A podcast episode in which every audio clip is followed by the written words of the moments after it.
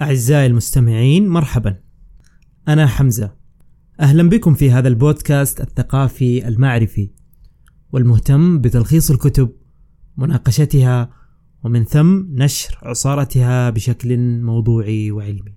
يمكنكم الاشتراك في القناة ليصلك جديدنا ويمكنك التواصل معنا عبر الإيميل الموجود في الأسفل.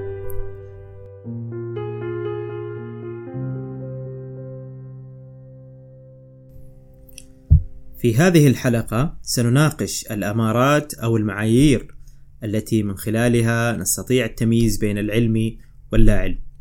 بين العلم والعلم الزائف، وفي الحقيقة فإن العلوم الزائفة كان من السابق آه، سهلة الكشف، وكان من اليسير على الإنسان الذي يستخدم المنطق ربما البسيط آه، تفكيكها بسهولة، آه، لكن في زمننا هذا لم تعد الأمور بذلك الهوان واليسر. بل حتى باتت لدينا علوم زائفة تتستر برداء العلم وتتخذ من أساليب العلم الحقيقي ومن بعض مناهجه طريقا للتزييف على الناس بحيث يبدو على الشخص البسيط بل وربما المختص في بعض الأحيان أن هذا علم وهو في الحقيقة أبعد ما يكون عن ذلك. فما هي المعايير التي تحدث عنها الكاتب هنا في المساعدة على التمييز بين العلم والعلم الزائف؟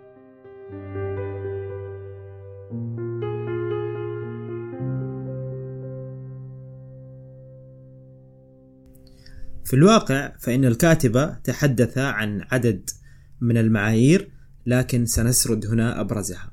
أول معيار وهو التفكير المفارق لزمانه.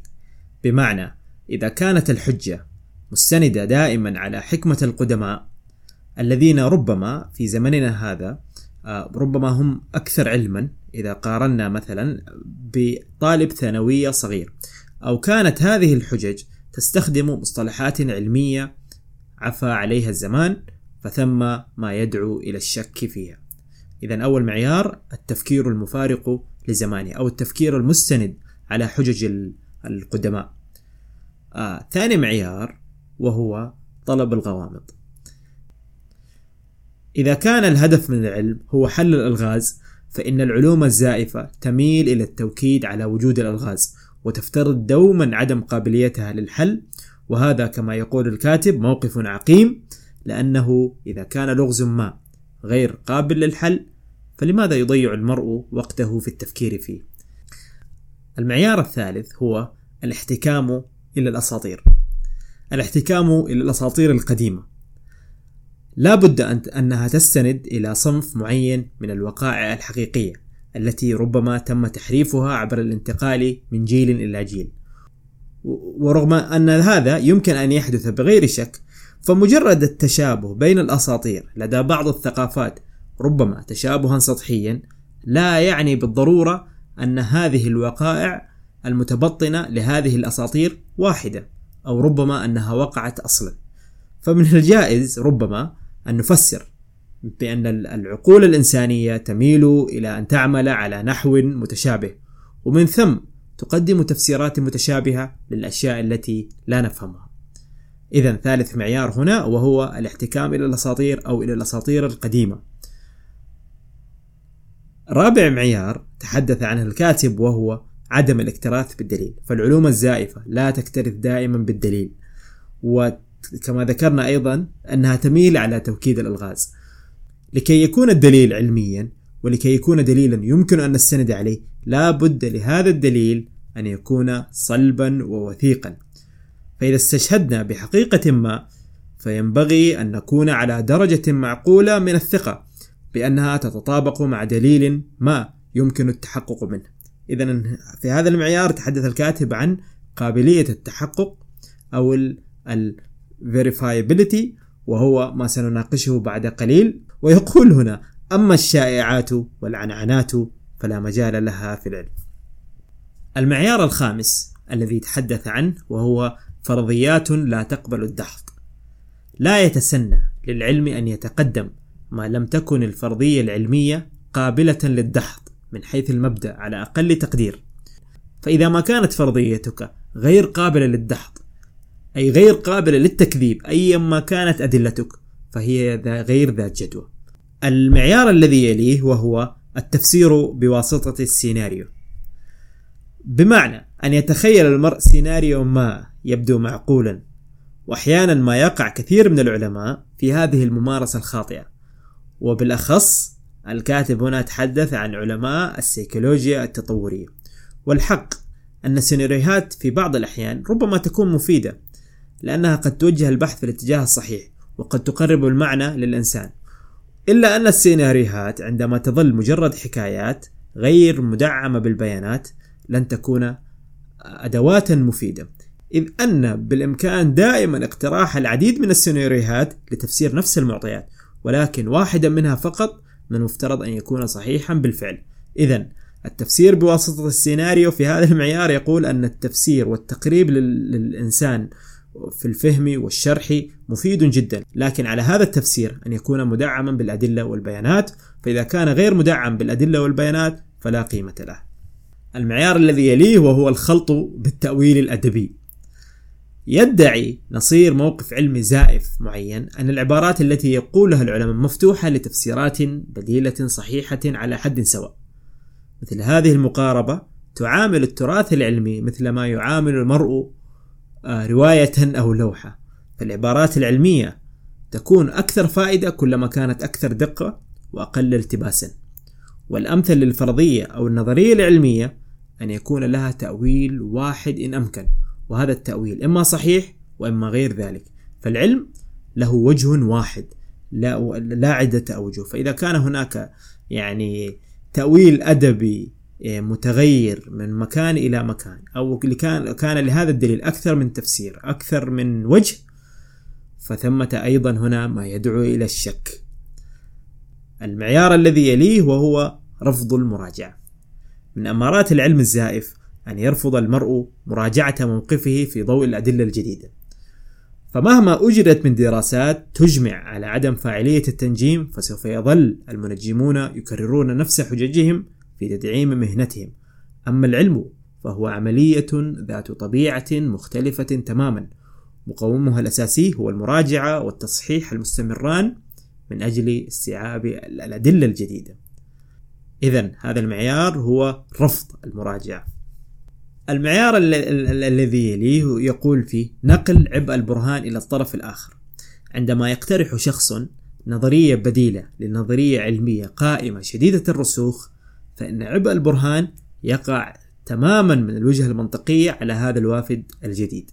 إذا هنا في هذا المعيار البينة على من ادعى نقل عبء البرهان إلى الطرف الآخر. المعيار الأخير الذي سنتحدث عنه في في في معايير التمييز بين العلم واللا علم وهو النظرية مشروعة لمجرد أنها جديدة أو مختلفة أو جريئة. يقال هنا أن أن أن هناك أثر يسمى أثر جاليليو فيولع أنصار النظريات الجديدة باستحضار الأمثلة الكثيرة لعلماء تعرضوا للسخرية أو الإهمال أو حتى الاضطهاد بسبب نظرياتهم الجذرية التي ثبتت بعد ذلك صحتها وهذا يقول الكاتب هنا هذا الخط من الاستدلال فاته بالطبع حقيقة أن مقابل كل جاليليو الذي نجح في النهاية هنالك ألوف من المعاهتيه الذين لم ينجحوا.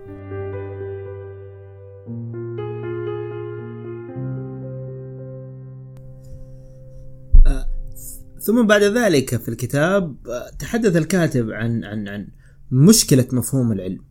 وتحدث عن مصطلح التشابه العائلي بمعنى أنه لا توجد سمة واحدة ولا حتى مجموعة صغيرة من السمات تشترك فيها جميع العلوم. لقد حاول فلاسفة العلم منذ بداية القرن العشرين وحتى نهاية الخمسينيات منه أن يستخلصوا مفهوما مجردا للعلم يضم كل العلوم غير أنهم اليوم يميلون إلى اعتبار مفهوم العلم مفهوم تشابه عائلي. ينطبق بفضل العديد من مجالات التشابه المتداخلة جزئيا. والتشابه العائلي هنا يعني أن الأشياء التي يشير إليها حد من الحدود قد ترتبط معا لا بخاصية مشتركة واحدة بل بشبكة من التشابهات كشأن الأشخاص الذين تشترك وجوههم في ملامح مميزة لأسرة معينة.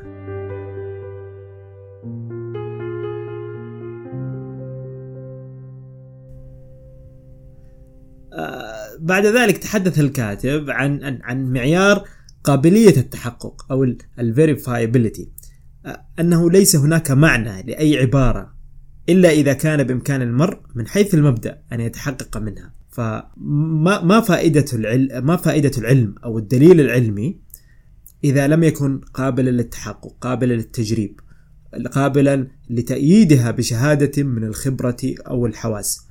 ثم قال يسحب هذا الرأي على التمييز أيضا بين العلم والعلم الزائف غير أن هذا الحديث غير دقيق من الوجهة التاريخية فالحق أن معيار قابلية التحقق في الوضعية المنطقية كان يهدف إلى حل إلى حل مشكلة مختلفة تماما هي مشكلة التمييز بين العلم والميتافيزيقيا.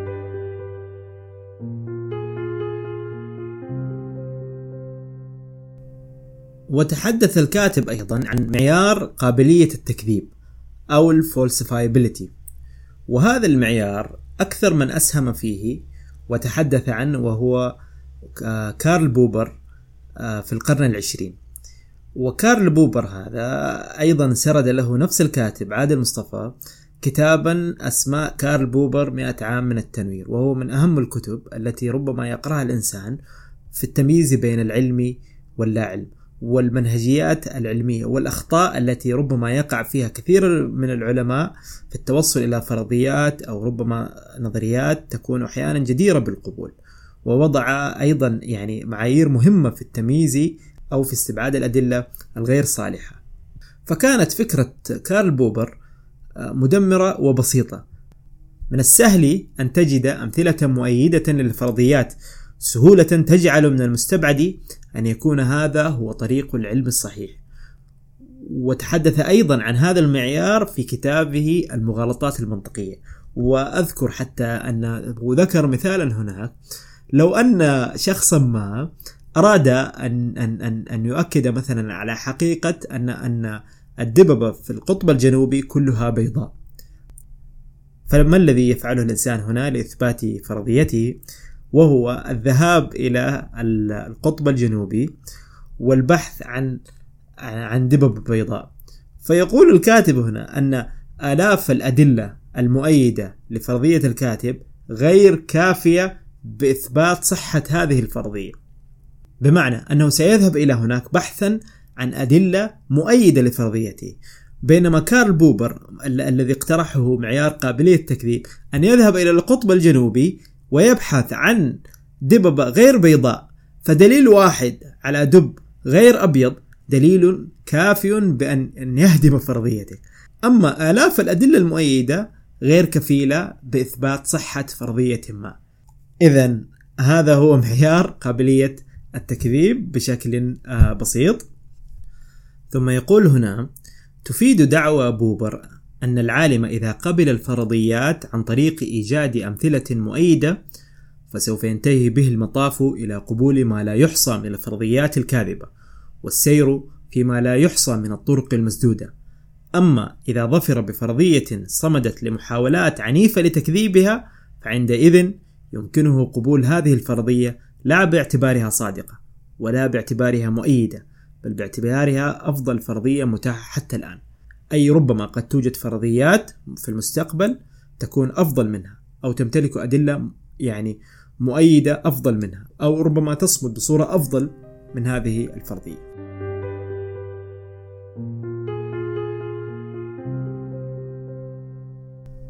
وتحدث الكاتب أيضا أن عن نسبية الذاكرة وقال هنا ثمة وهم متوارث روجت له زمنا نظريات سيكولوجية عتيقة. يقول بأن الذاكرة البشرية أشبه بشريط التسجيل الذي يسجل كل ما يرد عليه دون أن يخرم منه شيئا وأن كل منبه ورد على عقل الإنسان هو مسجل فيه بشكل ما وبدرجة ما. وإن تكن أغلب المادة المسجلة محفوظة في مستوى عميق من باطن العقل ومن ثم هي قابلة للاسترجاع.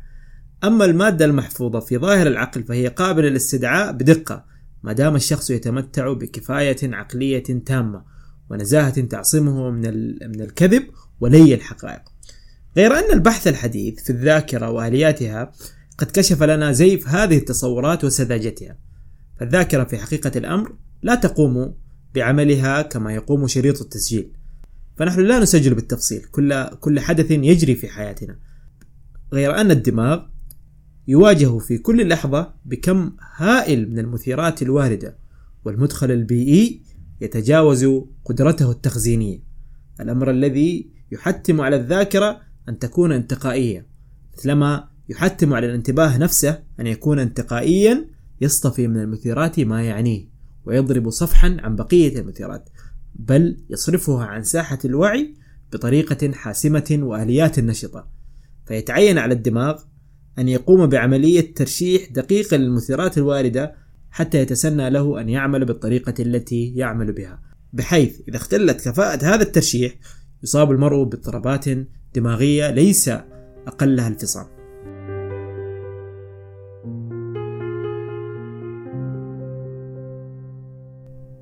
ثم تحدث الكاتب عن عن ميل الإنسان إلى تقبل العموميات الغامضة على أنها خصوصيات.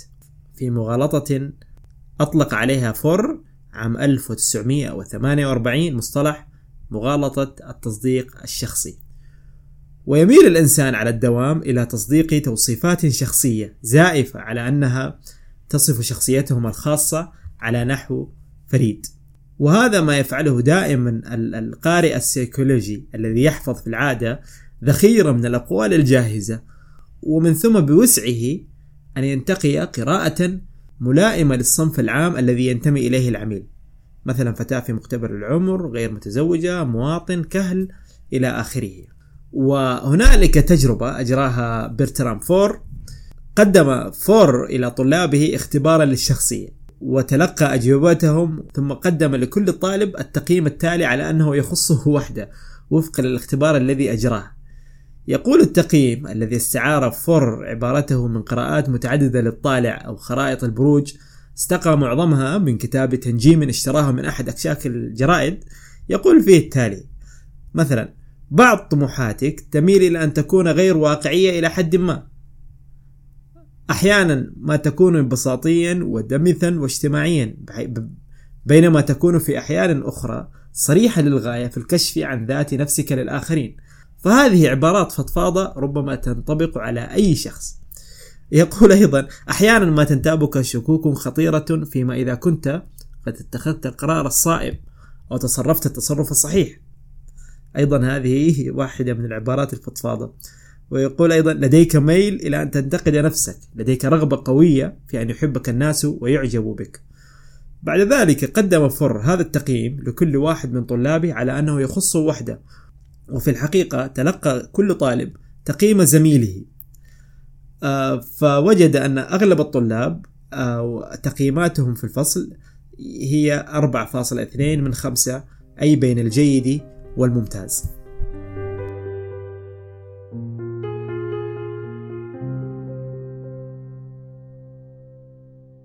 آه إلى هنا وصلنا إلى نهاية الحلقة. شكرا لاستماعكم. اشترك في القناة ليصلك جديدنا. ويمكنك التواصل معنا عبر الإيميل المرفق في الأسفل. إلى اللقاء.